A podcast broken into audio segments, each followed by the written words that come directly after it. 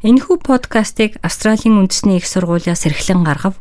Самбат цаанаас сонсогчдоо SBS радиоос та бүхэндээ хүргэдэг нэвтрүүлэг маань хүрэхэд бэлэн боллоо. Энэ удаагийнхаа дугаараар та бүхэндээ New South Wales мужийн олон улсын оюутнуудад хуулийн зөвлөгөө үнэгүй авах боломж бүрдсэн талаар мэдээлэл хүргэж байна. New South Wales мужид одоогийн байдлаар 264 мянга гаруй олон улсын оюутнууд суралцж байна. Шинээр гарсан гар утасны апп нь оюутнуудад ажлын байр, төрөөс, боловсрал мөн бэлгийн хүчирхийлэлгээд хууль зүйн эрхийн мэдээллийг санал болгож байгаа юм.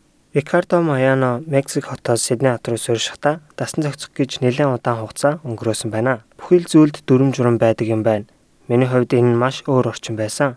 Яг тэгвэл миний ирсэн газарт зарим үед хууль дүрмтэй байсан ч зарим хүмүүс мөрдөхгүй байх тохиолдол элбэг байдаг. Миний хувьд визтэй олон хязгаартай олон улсын оюутны хувьд анх ирээд бүхэл дүрм журмыг даах гэж одоо хүртэл хичээж байна хэмээн тэрээр SBS News-д ярьж байсан юм а. Түүний хувьд Macquarie их сургуульд биотехнологи болон бизнесийн мастрын зэрэгээ хамгаалж байгаа бөгөөд ажил хайх тал дээр маш яригтай байсан талаараа бас нэмж хэллээ. TFN ABN гээд толгойр их зүйл маш олон байсан. Гадаад орноос ирсэн хүний хувьд чадах чинээгээрээ бүгдийг хийхийг хичээж юу ч алдаагүй, мартаагүй хийхийг боддог. Рикардогийн жишээ маш олон оюутнуудад адилхан байдаг. Австралид сурж байгаа ихэнх гадаадын оюутнууд хуулийн мэдлийн тал дээр дутмаг байдаг. Ийм учраас New South Wales мужийн засгийн газраас Redfern хуулийн төвтэй хамтраад My Legal Mate нэртэй хуулийн мэдээлэл олгох гар утасны аппликейшн нээсэн байна.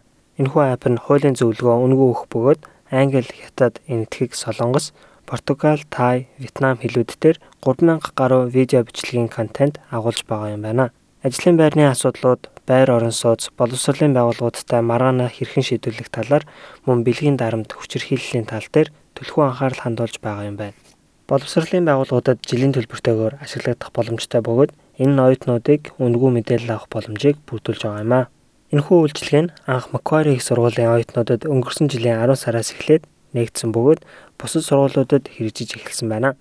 My Legal Mate application нь Redfern хуулийн төвийн жижиг тархин болсон хэмээн Шон Стимсон хэлж байлаа.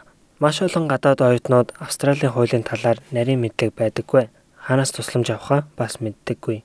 Нарийн төвөгтэй хуулиудыг ойлгоход хялбар жижиг хэсгүүдэд хуваан оюутнуудад мэдээлэл олгох энэ нь аюулгүй байдал амьдралд нь чухал хэрэг болох юм гэж тэрээр хэлж байлаа.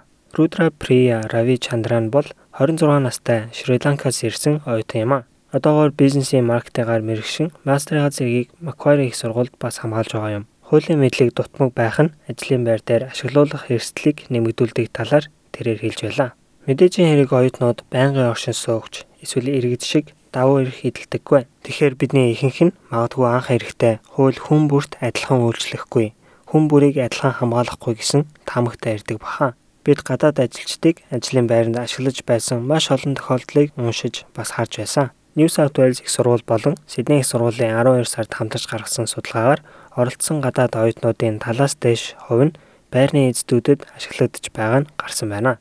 Байраа хувааж амьдарч байгаа түрээслэгч оюутнууд илүү ихээр хохирч зарим тохиолдолд сургуулийнхаа шалгалтын үеэр хоёр дахин илүү түрээс төлдөг байсан байна. Зарим нь байхгүй байранд түрээс урьдчилгаа төлж, заримыг нь байрны эзэд хайлган сүрдүүлж байсан нь судалгаагаар харуулсан байна. Rudra Priya түрээсийн гэрээнд гарын үсэг зорж байгаа ихэнх хүмүүс хуулийн хүрээнд хаан зогсож байгаагаа сайн мэддэггүй хэмээн хэлж байлаа.